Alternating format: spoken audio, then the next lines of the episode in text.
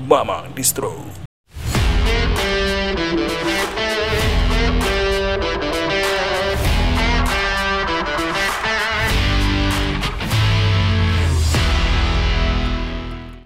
Malang Distro, hari ini rekaman 28 Mei 2022. Sebelum mulai, trending. Berita trending kita alihkan jadi informasi seputar SEA Games Vietnam. Oke, kita bacakan. Berikut untuk yang mendapatkan medali emas atau gold di SEA Games Vietnam. Men's Basketball 5x5, tim basket Indonesia tim emas. Indoor Volleyball emas. Atletik Women Marathon oleh Odekta Naibaho Elvina emas. Eh, swimming freestyle 1500 meter emas oleh Ching Hui Gan. Athletics uh, women shot put oleh Eki Febri Ekawati emas. Women's mountain bike downhill individual oleh Tiara Andini Prastika emas.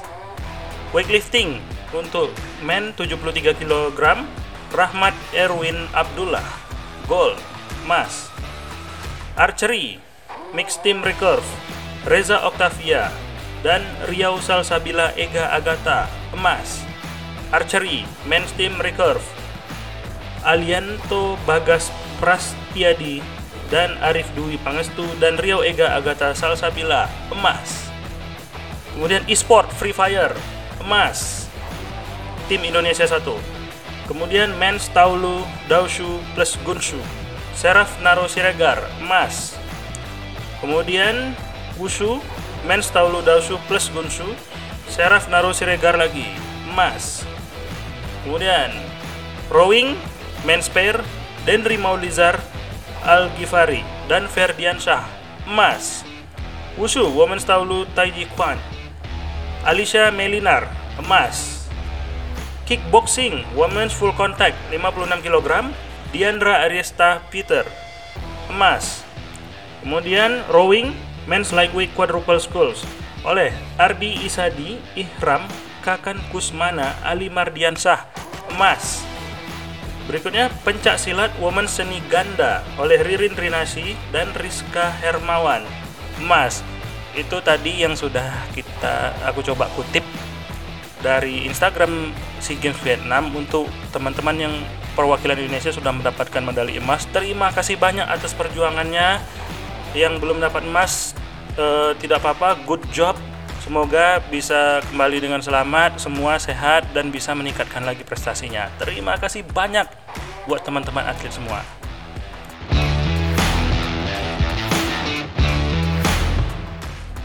Untuk pesan dan cacian, oke, pertama dari Francisca.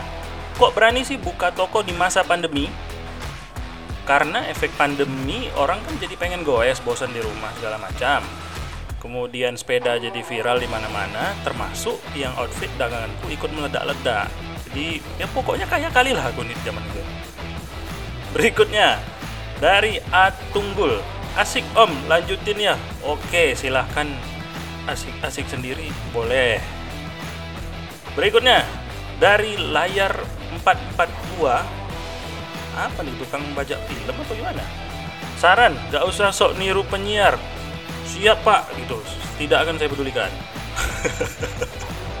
Tapi terima kasih sudah mengirim pesan. Dari Pandu 94. Apa kejadian paling aneh pengalaman di distronya? Hmm, spoiler dong nanti jadinya. Pokoknya tenang, itu disebar di banyak episode. Tunggu aja lah. Berikutnya dari Assassin Ezio. Buset. Ini penggemar ini nih, Assassin Creed Trilogy berarti. Halo Mang, apa kabar? Hai. Kabarnya sekarang agak lapar dari tadi belum ada makan. Oke, ini semua untuk pesan-pesan yang udah masuk sudah dibacakan. Untuk semua yang dengar, yang pengen kirim-kirim pesan, reaksi, cacian, makian, silahkan ke email dedelogi.radiomarket@gmail.com. Dedeloginya pakai y belakangnya atau Instagram dedelogi underscore. Uh, dedeloginya y pakai y juga di belakangnya. Oke, terima kasih.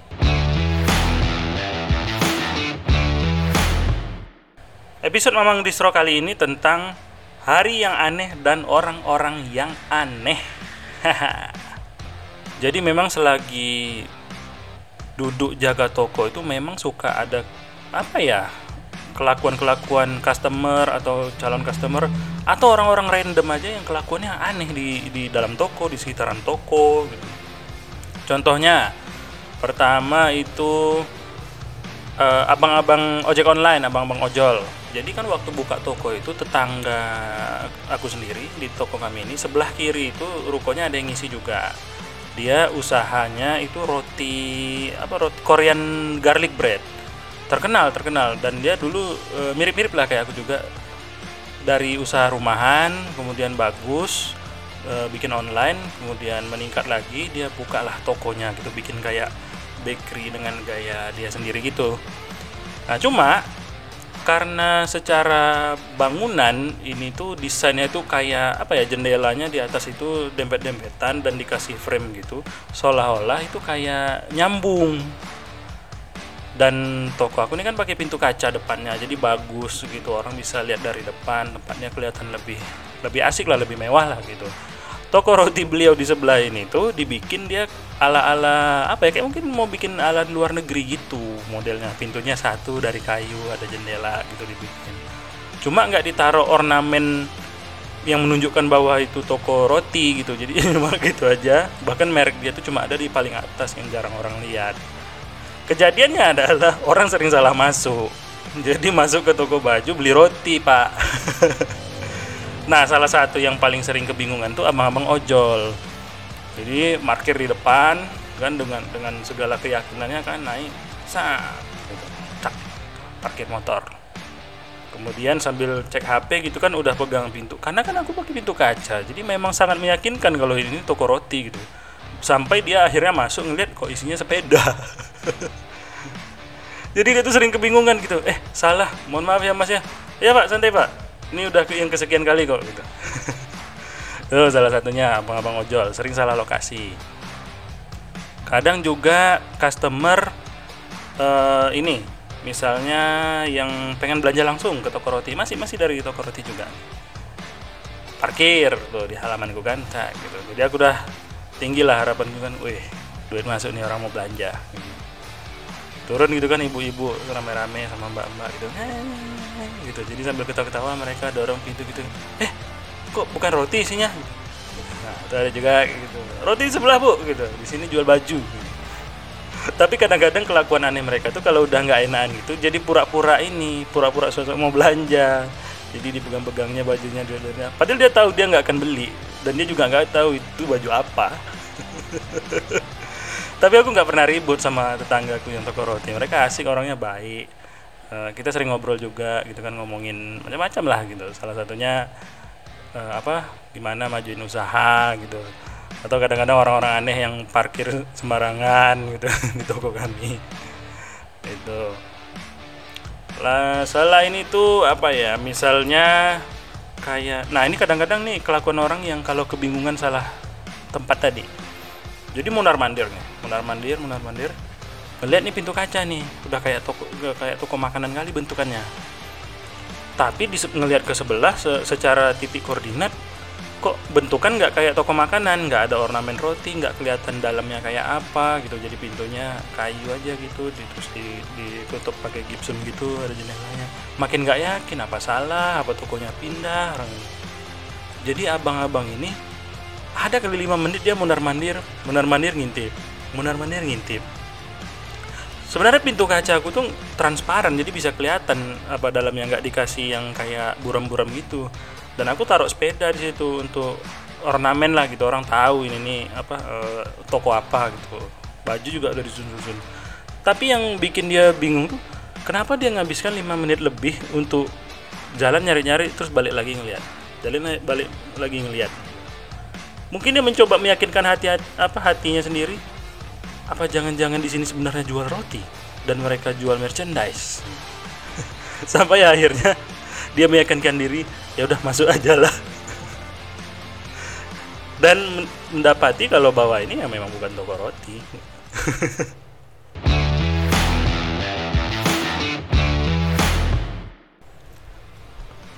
Hari yang aneh dan orang yang aneh lainnya adalah mbak-mbak hebring alis tebal mondar mandir gitu kan turun dari mobil apa turun dari mobil pakai tas mewah gitu kan buka pintu masuk. Cek ngecek bajunya cari-cari ukuran ini ada mas ukuran ini ada mas gitu. Gayanya agak-agak gimana lah gitu ya. Uh, tapi ya udah aku selalu netral karena kan namanya juga orang mau belanja udah apa udah mundar mandir tak tuk tak tuk tak tuk tuk cek barang apa ngota-ngota panjang. Ternyata nggak beli. Habis itu udah dengan gayanya yang apa bisa kali endorse? Gitu. Jadi dalam hatiku mbak mbak kalau minta baju mending dari awal bilang gitu. Aku cek instagramnya kan gue tanya sama kawanku nggak ada followernya rupanya. Ya. Ya udahlah banyak sih yang kayak kayak gitu. Uh, apa? Mentang-mentang di zaman itu sepeda dan harga jersey yang ku jual itu mm, terhitung nggak murah lah ya. Mungkin medium ke atas lah harga 300 400 ribu gitu. Dan kadang orang beli kan nggak cuma satu gitu biar bisa ganti-ganti. Jadi yang datang juga customer tuh juga kadang mungkin ngerasa apa ya mampu gitu. Tapi juga nggak nggak rela-rela kali ngeluarin uang. Nggak mungkin gitu ya ya. Yang paling aneh ya dari sepanjang buka toko jadi suatu hari hari Jumat siang kalau tiap hari Jumat kan aku tutup itu sekitar jam paling cepat jam 11 paling telat itu 11.30an lah gitu Nah, jadi biasa jam 11-an itu pun jalan kan orang udah mundar mandir mau siap-siap pergi sholat Jumat, yang balik dari kantor gitu kan ngeburuin biar sempat gitu. Nah, kita kita waktu itu masih belum tutup tuh jam 11. Nunggu-nunggu momen-momen tutup lah gitu. Udah mulai-mulai nggak ada orang yang mundar mandir di toko. Akhirnya datanglah seseorang itu kan naik motor. Saya parkir depan tak. Udah agak lama dia di depan gitu, kulihat kan kayaknya ini nggak biasa nih orang gitu. Karena dia pakai seragam. Cuma ya udahlah mungkin nih dari habis kantor mau belanja dulu gitu kan. Aku nggak bilang institusinya apa ya dan warna seragamnya apa aku nggak akan bilang. Jadi dia masuk. Pertama dia celingak celinguk gitu kan di depan kan celingak celinguk lihat kiri lihat kanan gitu kan. Nengok kan uh, toko roti sebelah udah tutup laundry di sebelah kanan juga udah tutup juga kalau nggak salah tinggal aku lagi belum masuklah dia saya datang ke meja. Meja kasirku di depan sebelah kanan kalau dari arah orang masuk. Dia nanya sambil celingak celinguk lagi? Mungkin dia kebingungan gitu. Ini ada baju banyak ada sepeda tapi dia tanya gitu mas ya pak uh, apa tuh? Biasa kan gue jawabnya ini badan saya pegel-pegel nih. Saya pengen pijat tapi kayak matanya kayak agak merah gitu celingak celinguk kayak ada yang nggak sabaran gitu. Mungkin ada yang dia tunggu gitu. Saya pengen urut nih? gitu. Sini sini bisa urut kan? Udah gitu. Dalam hatiku. Bapak ini ini mau momen sholat Jumat. Milih untuk nggak sholat Jumat dan pijat aja. Atau mungkin nunggu showing ceweknya dulu keluar gitu. Oke boleh pak. Silakan kebetulan di belakang baju-baju ini kita udah siapkan mereka berbaris akhirnya aku bilang pak di sini toko baju pak bukan tempat pijat aku bilang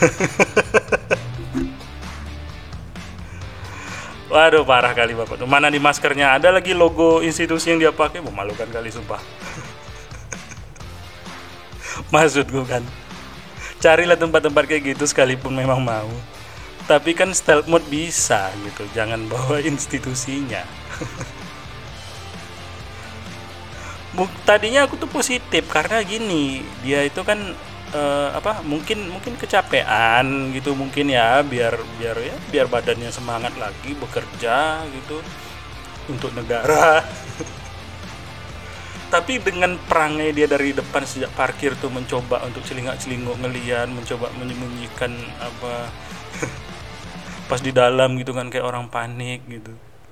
Ada yang dia tunggu berarti di sini nih untuk aku showing ke dia. Aduh bapak bapak kerja aja lah pak. Kalau udah timenya jumat tuh jumat aja lah gitu. Pulang ke rumah makan. Jadi di distro ini itu kan aku tinggal di sini tidur di sini gitu. Kalau awal-awal buka itu tutupnya sekitar jam 5 jam 6 gitu. Pokoknya sebelum maghrib lah gitu. Diusahakan tutup Nah, kalau malam itu kadang eh, capek tapi sering ini malah sering nggak ngantuk bisa langsung tidur gitu. Jadi biasanya main game gitu sama kawan-kawan game online atau nonton apa gitu YouTube gitu. Jadi satu hari itu eh, mainlah game sampai agak malam gitu kan. Waktu itu main Monster Hunter sama kawan-kawan party online. Kelarnya udah agak telat lah gitu. Ya udah gitu udah capek gitu kan udah udahan mainnya siap-siap tidur aku tidur di lantai bawah gitu kan jadi ada kasur gulung gitu tidur depan TV ada aku taruh TV di toko untuk area lounge kumpul-kumpul yang gitulah gitu. Jadi kalau malam tidur di situ. Jadi jam menunjukkan sekitar pukul 1 dini hari. Jadi kalau tinggal di ruko pinggir jalan itu masih bising tuh jam segitu. Tapi eh, nggak nggak segitu bisingnya lah gitu. Biasanya orang lewat nyari rokok malam atau suara kendaraan masih kedengaran lah cuma udah mulai sepi jam satu lewat. Kedengaran nih suara-suara eh, alat-alat bertukang. Pertama kedengaran kalau nggak salah waktu itu suara gerinda gitu kan. Hmm, kaget aku kan. Wih, suara gerinda jangan-jangan ada yang dibongkar lagi nih. Itu udahlah kemarin kawanku kontainer seng dia itu dibobol. Kan ini jangan-jangan ada ruko yang lagi dibongkar nih ada orang menggerinda gembok kah apakah gitu. Tapi kok terang-terangan kali gerakannya gitu. Soalnya bisingnya itu sampai ke dalam. Nggak lama habis itu alat yang lain bunyi. Wek wek wek wek wek wek. Suara gergaji. Wih, makin serius kerjanya gitu terang-terangan. Udah gerinda gergajinya untuk finishingnya lagi. Apa tempat aku dibongkar nih gitu. Udah siap-siap aja mungkin nyari pisau untuk perlindungan diri kan kalau ada orang masuk gitu nggak lama habis itu suara martil. Tak tuk tak tuk tak tuk tak tuk tak tuk tak tuk. Terus berirama gitu kayak rapi eh, suaranya tuh. Tak tuk tak tuk tak nanti potong lagi. Itu lama-lama aku jadi sebel. Ini orang betukang ya kayaknya nih ya jam-jam segini gitu kok kurang kerjaan kali gitu. Start kerjanya jam 1 gitu. Kalau startnya tuh kayak abis maghrib terus kelarnya tengah malam masih ngerti lah aku. Mungkin ada sesuatu yang dipersiapkan gitu. Belum belum kelar ya udah gas aja sampai tengah malam. Ini dia start of the day untuk bekerjanya tuh jam 1 dini hari jam 1 lewat. Dan apa suara alat-alatnya tuh bising kali. Ingatku ya aku nggak bisa tidur gara-gara itu. Aku payah tidur kalau udah terganggu kayak gitu.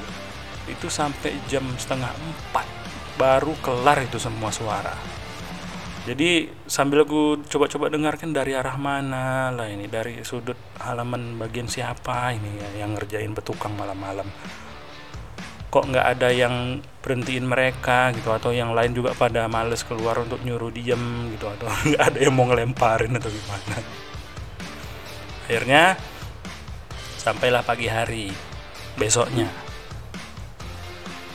bangun aku kan buka. Kondisi kan udah nggak enak kan karena kurang tidur. Kita pagi jam 8 sekian tuh udah nyapu udah segala macam untuk buka toko jam 9 jadi sambil aku nyapu luar aku tuh celingak celinguk ngintip gitu kan nengok-nengok kiri kanan. Ada nggak apa ya bubuk-bubuk bekas gergaji kayu atau apa gitu. Sisa-sisa kerja tadi malam atau bentuk meja yang masih baru gitu. Aku tengok kan belum ada nampak. Waduh nggak nampak. Ya udah lanjut kerja. Siang sekitar jam-jam zuhur lah gitu. Hari terik panas. Kulihat kan iseng nih keluar lagi. Jangan-jangan ada ada meja yang dikeluarkan nih. Jangan-jangan tadi malam ngerjain meja nih. Eh, apa bukan bukan perbaiki sesuatu. Rupanya betul jadi tetangga tiga ruko sebelah kiri dari sini itu dia jam satu malam. Entah entah gimana dia mungkin udah tersesak kali bikin meja. Ternyata istrinya mau jualan es jeruk kasturi siang-siang. Maksudku kan nggak usah jam 1 kok mulai kerjanya gitu. Toh jualannya jam 12 siang. Habis sholat subuh kok betukang kan nggak ganggu orang. Aku ngumpat-ngumpat nengoknya bangkit Bang. Jadi ini perjuangan kalian es jeruk kasturi itu yang bikin aku nggak tidur tadi malam dan mungkin aku aja ruko paling paling pinggir gitu berarti orang yang di kiri kanannya mereka tuh lebih keganggu lagi parah dengan kebisingan itu masa jam satu mulainya aduh Oke, sampai di sini dulu untuk episode ketiga. Terima kasih sudah mendengarkan. Sampai jumpa di episode yang berikutnya. Dede Logi Log Out.